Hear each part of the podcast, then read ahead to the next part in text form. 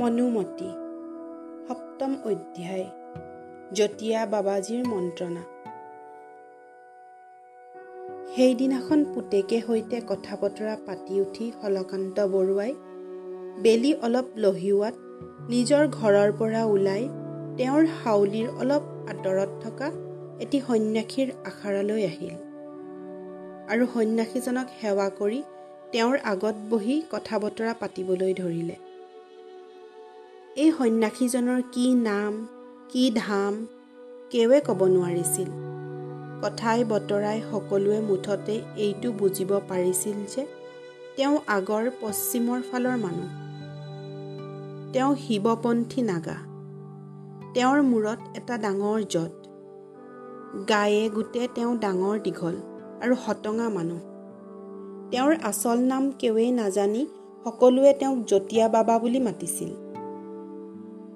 তেওঁ যেতিয়া পোনপ্ৰথমে বৰপেটালৈ আহিছিল তেতিয়া তেওঁ মুঠতে ঘটি এটা আৰু চেপেনা এপাতৰ বাজে আন একো বস্তু অনা নাছিল। তেওঁ আহি পোনেই যোগীৰ পামত এজোপা গছৰ তলত আশ্ৰয় লয়। এদিন দুদিনকৈ এই জতাধাৰী বাবাজীৰ ওচৰলৈ দুই এটাকৈ মানুহ চাপিছিল আৰু শেষত অনেকে তেওঁক প্ৰকৃত নিস্পৃহ আৰু স্বাৰ্থশূন্য সাধু যেন বুলি শ্ৰদ্ধাভক্তিও কৰিছিল। হলকান্ত বৰুৱাৰ গাত আন দুখ থাকিলেও তেওঁৰ সাধু সন্যাসীক শ্ৰদ্ধা আৰু ভক্তি কৰা এফেৰি গুণ আছিল।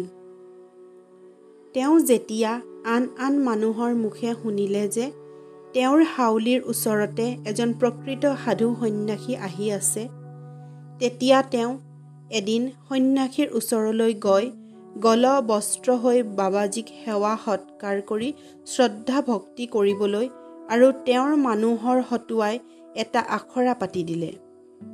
আৰু সেইখিনিতে এটি শিৱলিংগ থাপনা কৰি এটা পূজাঘৰো বান্ধি দিলে। তেওঁৰ শ্ৰদ্ধা আৰু ভক্তিত সন্তুষ্ট হৈ জতীয়া বাবাও তাতে থাকিল। সেই দিনাৰে পৰা যোগীৰ পামৰ সেই গছৰ তলডোখৰেই জতীয়া বাবাৰ আখৰা হ'ল।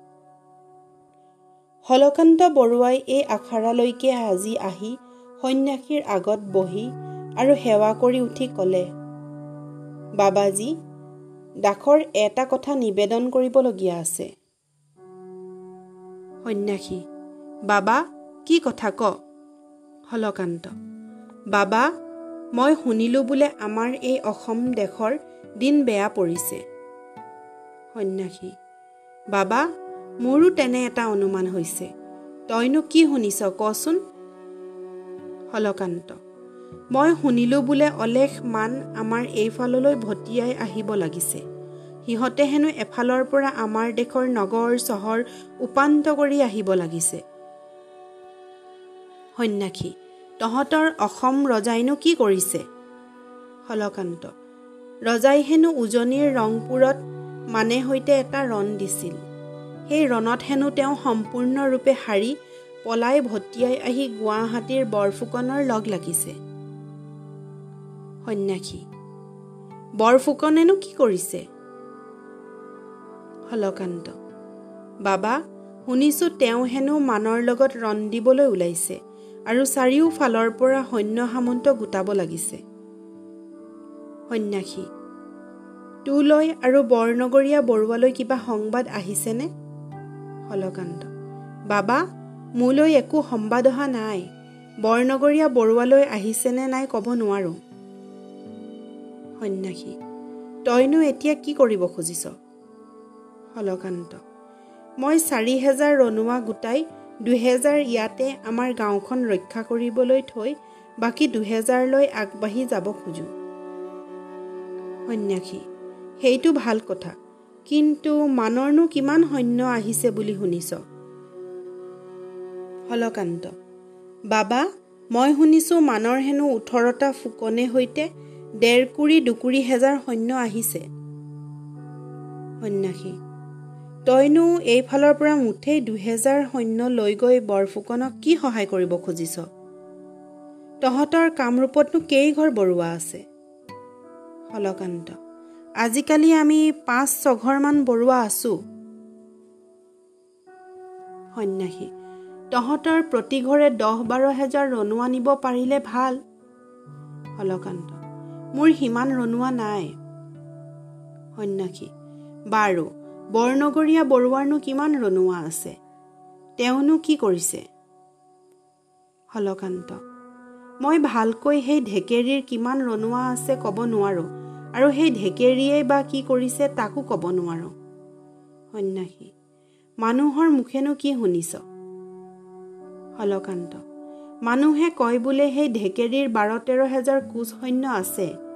সেই ঢেকেৰীয়ে এইবিলাক কথা একো গমকে পোৱা নাই। ফিতাহী মাৰি বহি আছে।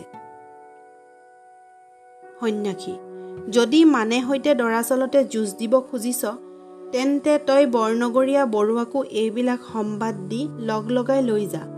যদি তহঁত দুয়ো লগ লাগ তেন্তে তহঁতৰ পোন্ধৰ ষোল্ল হেজাৰ ৰণুৱা হ'ব। গুৱাহাটীৰ বৰফুকনে তহঁত গৈ নৌপাওঁতেও যদি মানৰ যুঁজত হাৰে তেন্তে তেতিয়াহ'লেও তহঁত দুয়ো লগ লাগি আন একো কৰিব নোৱাৰিলেও আমাৰ এই ঠাই দুডোখৰ মান মানৰ পৰা ৰক্ষা কৰিব পাৰিবি। হলকান্ত। বাবা সংসাৰত সকলো কামকে কৰিব পাৰিম। কিন্তু মোৰ পিতৃবৰী ঢেকেৰীৰ ঘৰে সৈতে লগ লাগিব নোৱাৰিম। সি ঢেকেৰীয়ে যদি মোক আগেয়ে মানে আৰু মুঠ নম্ৰ হয় তেন্তে এবাৰলৈ পূৰ্ব শত্ৰুতা পাহৰিলেও পাহৰিব পাৰিম। কিন্তু এনেকুৱা নহ'লে মই কেতিয়াও ঢেকেৰীক আখৈ দিব নোৱাৰিম। সন্যাসী বাবা তোৰ এইটো ভুল হৈছে। এনেকুৱা বিপদৰ কালতো তহঁত দুঘৰ ডাঙৰ মানুহে এইদৰে মনোবাদ কৰি থাকিলে তহঁতৰ দেশ ৰক্ষা নপৰিব। মোৰ কথা যদি শুন তেন্তে তই এই বিপদৰ সময়ত চণ্ডী বৰুৱাৰ লগ ল। হলকান্ত প্ৰভু দাসক ক্ষমা কৰিব। সকলো কামকে কৰিব পাৰিম। ঢেকেৰীক মাতিব নোৱাৰিম। সন্যাসী মই বুজিলোঁ তহঁতৰ দেশতো ঘোৰ কলি উপস্থিত হ'ল। মই আগেয়ে ভাবিছিলোঁ যে আমাৰ পশ্চিমতহে এনে ডাঙৰ ডাঙৰ ৰাণাই ৰাণাই ৰাৱে ৰাৱে ৰজাই ৰজাই বীৰে বীৰে মনোবাদ আছে। কিন্তু এতিয়া বুজিলোঁ তহঁতৰ এই দেশতো এনেকুৱাবিলাক মনোবাদ আছে।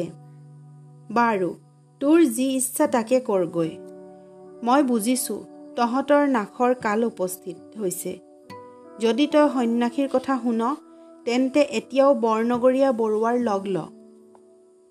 হলকান্ত প্ৰভু দাসক ক্ষমা কৰিব। সকলোকে কৰিব পাৰিম। ঢেকেৰীক মাতিব নোৱাৰিম। সন্যাসী তেন্তে তোৰ যি ইচ্ছা তাকে কৰ। ঈশ্বৰৰ ইচ্ছা পূৰ্ণ হওক।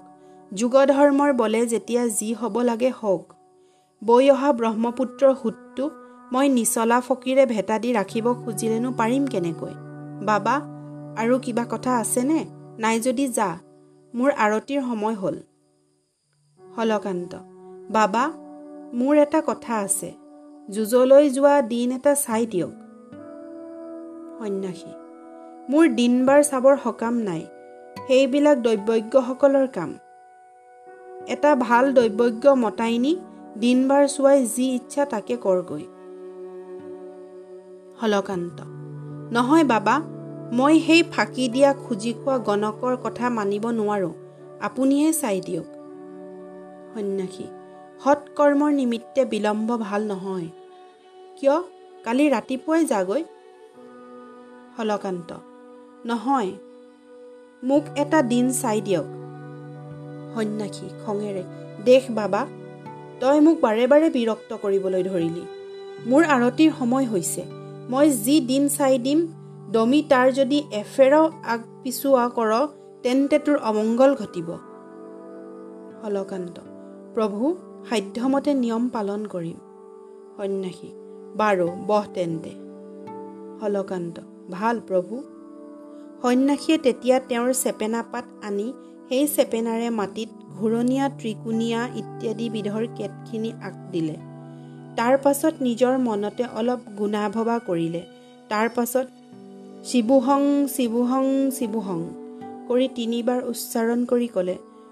চৈধ্য দিনা বুধবাৰে পঞ্চমী তিথিত ৰাতিপুৱা বেলা সাত দণ্ড আঢ়ৈ পলত মোৰ নাম উচ্চাৰণ কৰি যাত্ৰা কৰিবি। দেখিবি যেন ইয়াৰ ইফাল সিফাল নকৰ। তই এতিয়া যা। তোক মই আৰু এটা কথা কওঁ। কালি প্ৰত্যুষতে মই এই আখাৰা এৰি পশ্চিমলৈ তীৰ্থ কৰিবলৈ যাম।